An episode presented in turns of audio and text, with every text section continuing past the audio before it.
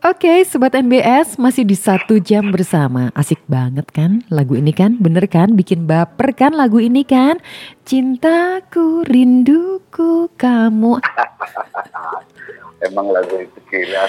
Aduh, ampun deh. Kenapa ya lagu-lagu Kang Niki ini selalu bisa kita menjadi terhanyut banget ke dalamnya? Itu ada trik membuatnya nggak sih? Yakin para teman-teman musisi juga ingin belajar bikin lagu yang bikin jelek ke hati. Ayo dong ceritain dong, apa dong rahasianya Kang Niki? Rahasia tuh nggak ada sih, semuanya kita masing-masing orang punya uh, punya kebiasaan sendiri, mm -hmm. rasa sendiri ya. Mm -hmm. Jadi lagu itu kalau kita dapat kita selesaiin, kita konsentrasi pada posisi saat itu dan nggak usah direkayasa semuanya bisa terjadi menurut kalau saya pribadi begitu jadinya okay. bisa terjadi karena perasaan kita saat itu kita bikin terus ke situ titiknya hmm. nggak mm. usah rekayasa nggak usah apa-apa yang ada gitu mm-hmm. jadi kalau udah jadinya biar bingung sendiri gitu. oh, yang bingung sendiri kadang-kadang yang menciptakannya aja bingung sendiri ya bingung oh. bingung sendiri kok bisa begini gitu ya kalau dicari lagi perasaan untuk lagu itu tuh ke mana gitu nggak ada gitu tapi hmm. saat itu gitu Iya, iya. Aneh lah. Aneh ya. Waduh, kalau menyelami seniman tuh seperti ini, Sobat NBS. Jadi kadang-kadang kalau kita bagi orang-orang yang awam, banyak sekali yang tidak bisa menyelami dunia seniman. Ya, tapi memang dunia seniman itu asik banget. Betul. Emang betul. Iya. Jadi ada dunia lain yang bisa diselami dan bisa dinikmati ya, Kang Niki ya. Iya, yang penting kita berbuat yang bagus saja lah, yang baik, yang iya. apa ya. Iya. Karya yang gitu bisa dinikmati. Mm -hmm. okay. uh, nggak bisa dibilang sih mm -hmm. saat itu detik itu setelah itu kita besok besoknya bingung sih apa ini. Mm -hmm. Kenapa jadi gini? Nanti besok dapat lagi begitu lagi, iya, begitu iya, lagi. Iya. Ya nikmatin aja mengalir lah. Mengalir. Mengalir, mengalir saja. Iya. walaupun betul. walaupun kehidupan jomblo gini ya, mm-hmm. nikmatin aja deh. Oh iya dong, tetap. yang yang pasti kan semangat nomor satu, ya. Walaupun jomblo tetap semangat muda, ya kan? Ya harus iya, dong. Iya harus dong. Kalau musik itu kalau musik bagi saya musik itu tidak pernah tua musik hmm. itu prinsip saya dia bisa nembus kalau saya berpikir bisa menembus ruang waktu ya hmm. ruang waktu sebab mungkin lagu yang belum kita lahir hmm. hari ini dibawain sama generasi sekarang hmm. mereka bilang lagu ini asik benar mereka tidak tahu lagu ini adalah sebelum mungkin tahun 50-an kan atau 60-an. Jadi musik itu sangat universal. Betul. Ya tidak akan pernah terbatas oleh ruang waktu gitu aja iya. menurut saya. Iya, memang betul sih setuju banget Kang Niki, setuju banget. Oke. Okay. Baik. Kang Niki, kalau ya. boleh cerita dong, sekarang kesibukan di Palangkaraya apa aja nih selain berkarya uh, musik? Iya benar. Selain lebih banyak memang semua berhubungan dengan musik, seni, hmm. budaya ya. Kalimantan ini jangan samain dengan kayak kita di ibu kota di Bandung di mana mereka terbatas, terbatas ruangnya sempit, terus kena ppkm beginian. Jadi yang bisa saya lakukan adalah di studio terus bikin musik, terus mm -hmm. ke kabupaten membuat musik-musik daerah, musik-musik daerah sini untuk seni dan budayanya gitu. Begitu aja semuanya sebab maklum kalau untuk pemusik semua saat ini di zaman digital gini kan mereka semuanya kalau nggak bekerja keras nggak akan bisa berhasil gitu aja. Iya dong. Beda dengan zaman dahulu kala ya. Hmm, iya. Kang Niki, ini ada pertanyaan ya. Kalau Kang Niki itu nurunnya dari siapa sih bermusik? Ini saya pertanyaan dari pendengar. Saya nggak tahu ya. Hmm. Masalah menurun nggak menurunnya itu dari mana yang saya tahu. Almarhum orang tua tuh walaupun kecil dia dia suka ini apa nih melatih paduan suara. Okay. Terus bisa bermain piano sedikit. Kalau saya nggak tahu, pokoknya saya saat itu mulai dari SMP ya kalau nggak salah. Mm-hmm. SMP itu saya baru mungkin kelas berapa tiga gitu mau ke SMA gitu. Mm-hmm. Saya pernah oleh Remi Remi Silado ya. Yeah. Remi Silado itu saya pernah diminta menggarap album dengan studio kalau nggak salah masih empat track dulu di Jalan Jakarta tuh. Oh, iya, iya, iya. Album, iya album Serenade terus di Oreksa saya bikin lagu sama musiknya musiknya itu saya mulai dari situ saya sendiri bingung kok bisa gitu Hmm. kalau saya sekarang berpikir Hmm. sekolah memang saya keseret SMP pindah berapa SMP SMA berapa SMA Pasti Badung Kuliah. banget zaman dulu. Eh, kuliah akhirnya di STY ya lulus lah kuliah juga walaupun nggak pernah dipakai gitu. perjalanan budak bawang dari Bandung Nah, Gitu. Ini kan budak baung dari Bandung ya. Salah satu budak baung dari Bandung cerita dong kebaungan apa yang paling konyol yang sampai saat ini nggak pernah lupa. Oh, aduh saya banyak Saking banyaknya. zaman apa teater ya Hmm. Zaman teater masih Bandung tuh masih ada gedung mungkin masih ada gedung YPK sebelumnya ada gedung film apa Mm-mm. saya pernah saya udah ikut itu di sama Reni Siado tuh dulu udah ikut Iya iya iya. iya. kelompok dapur teater tuh ya Heeh. berteater kayak gituan Mhm.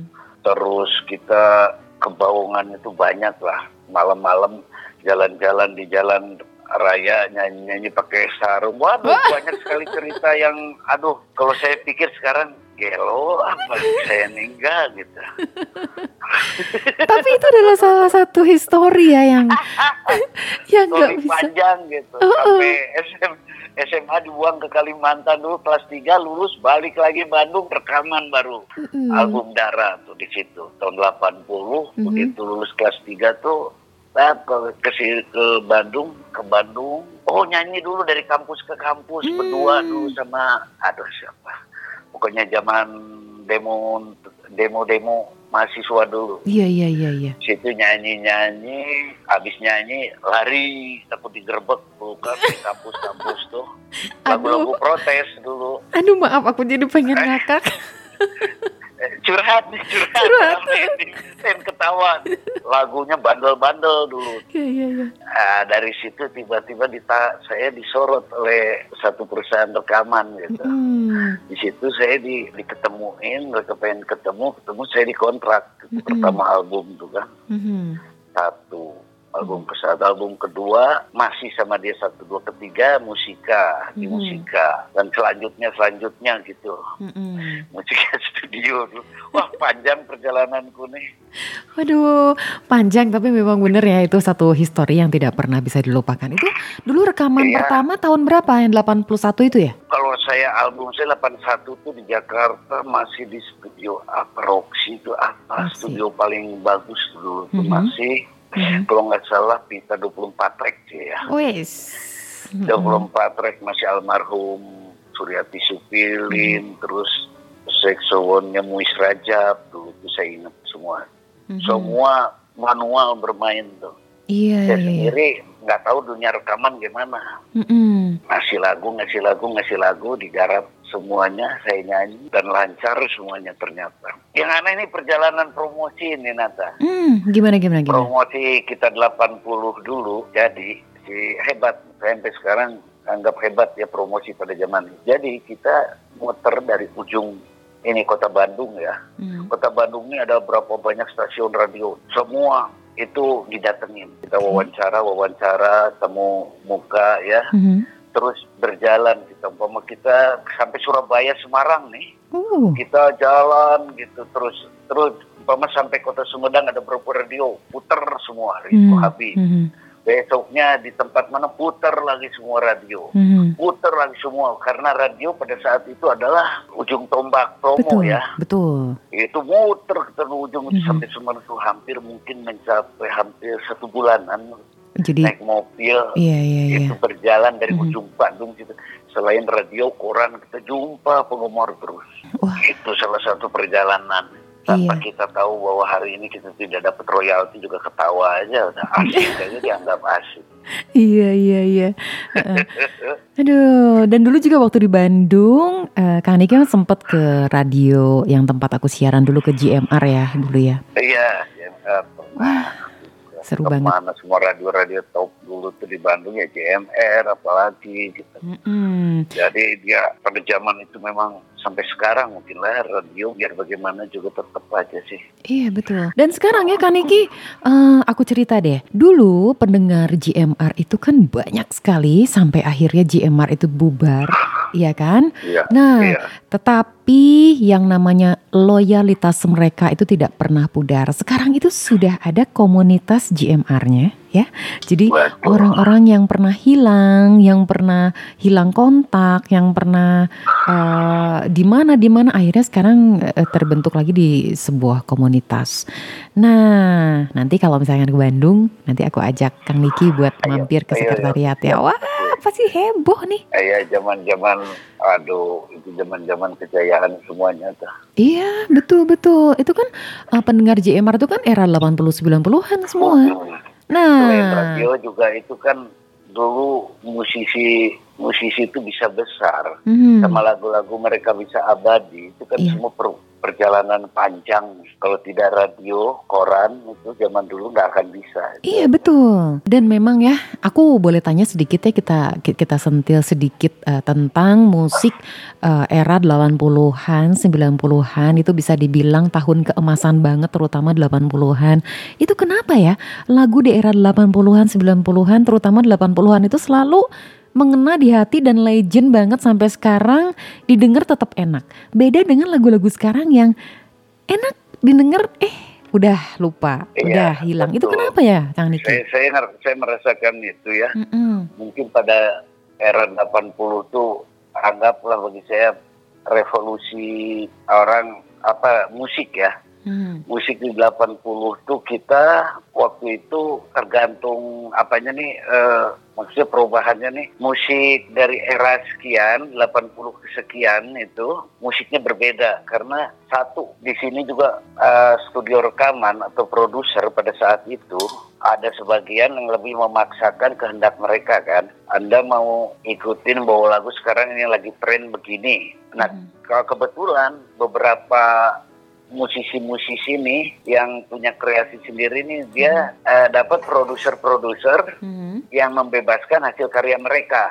Dari situ akan ter- itu kan terlihat kan beda-beda musik ya. Saya ngasih ini saya di era itu mungkin agak jazz rock rock ya jazz rock Mhm, waktu mhm. itu lagi rame-ramenya muncul kayak ada Algero rame itu situ George Benson ya Hmm. Ah, di situ musik ada paduan-paduan warna-warnanya semi-semi begitu kan. Faris muncul Faris RM ya. Iya. kemudian Chandra Darusman saya sendiri semua itu warna musiknya semua lain-lain gitu. Oke. jadi di situ memunculkan warna-warna gimana saya bilang ya di saat itu yang warna sekarang ini sampai sekarang warna musik itu ya seperti balik-balik ke situ lagi ke situ lagi gitu. Mm-mm, benar. Eh, seperti Iwan muncul sendiri dengan versi sendiri kan Iya. Iwan terus Mhm. banyak penyanyi lama kayak yang kita mungkin sudah lupa kayak Eli Sunar ya Iya. Rita Ruby segala macam itu kan Mhm. berani perempuan munculin sendiri Mhm. country di situ rock muncul di Mhm. Astria segala macam itu kan di situ gitu warna-warna eh, apa nih maksudnya peralihan di 80 tuh bagi saya peralihan musik gitu Mhm. nggak ngerti saya juga saya bikin lagu gitu ah oh udah kan itu hanya bulak balik di situ bulak balik di situ lagunya Mhm. dibilang nadanya tuh tiga empat grid bulak balik bulak balik Mhm. Iya, iya, bisa iya. jadi lagu hebat gitu Iya luar biasa. Ini seperti yang tadi aku bilang kalau seandainya lagu Kang Niki ini ada yang membawakan covernya ini pasti booming banget. Salah satunya juga yang tanpamu, ya kan? Iya, Getar nada tiada tercipta lagi gitu. iya Dari itu. lubuk hati nurani sunyi. Wah, itu iya itu nah itu saya perubahan pertama kan saya digarap oleh satu Tony Suwandi iya. kedua almarhum Willy Sumantri kalau nggak kalau nggak tahu almarhum nggak masih ada nih mungkin Mhm.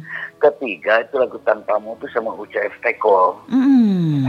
Uca F. Tekol dia warna dari tiga orang ini aja udah berbeda loh Oh gitu ya. Peng- penggarapan musik bagi saya iya Mhm. penggarapan musiknya Mhm.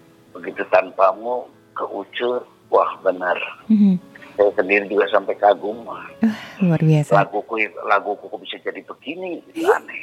Nanti kapan-kapan aku juga kan sekarang lagi belajar-belajar nyanyi nih Kang Niki. Nanti boleh lah aku izin cover lagu tanpamu ya. Boleh, boleh. Ayo cover cover coba. iya, iya, iya, iya. Oke, aku pelajari dulu, aku hayati dulu biar feel-nya dapet. Oke, Kang Niki. Tanpamu. Uh-uh. Coba sedikit-sedikit nyanyi tanpamu. Ayo kita bareng. Tanpamu kata-kata tak lagi tercipta tanpamu. itu asik ya. Itu lagu itu tuh harus mengalir gitu ya nyanyinya ya. ya. Karena kan uh, dari dari syair yang apa? Uh, mau ke ref itu kan kalau nggak nyambung tuh nggak enak kan? Betul. Kadang-kadang iya kan? baku gitu mak. Kebetulan nggak tahu pada zaman itu semuanya. Ya itulah kalau kita membuat lagu tuh mengalir. Iya. Kalau kita katakan sudah enak, enak. Mm -mm. Kalau enggak, dia akan berubah. Kita rekayasa tuh dah. Oke. Okay. Kalau saya pribadi. Kalau orang lain ya bebas masing-masing orang lain ya. Iya iya iya. Oke, okay, kita nikmati. Ini dia satu lagu Niki Ukur tanpamu.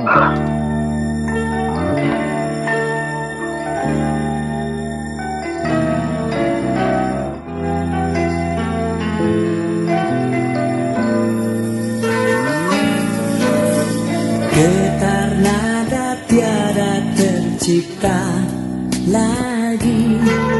Dari lubuk hati nurani sunyi. Jalinan kata tak menjelma puisi. Keresan pena-pena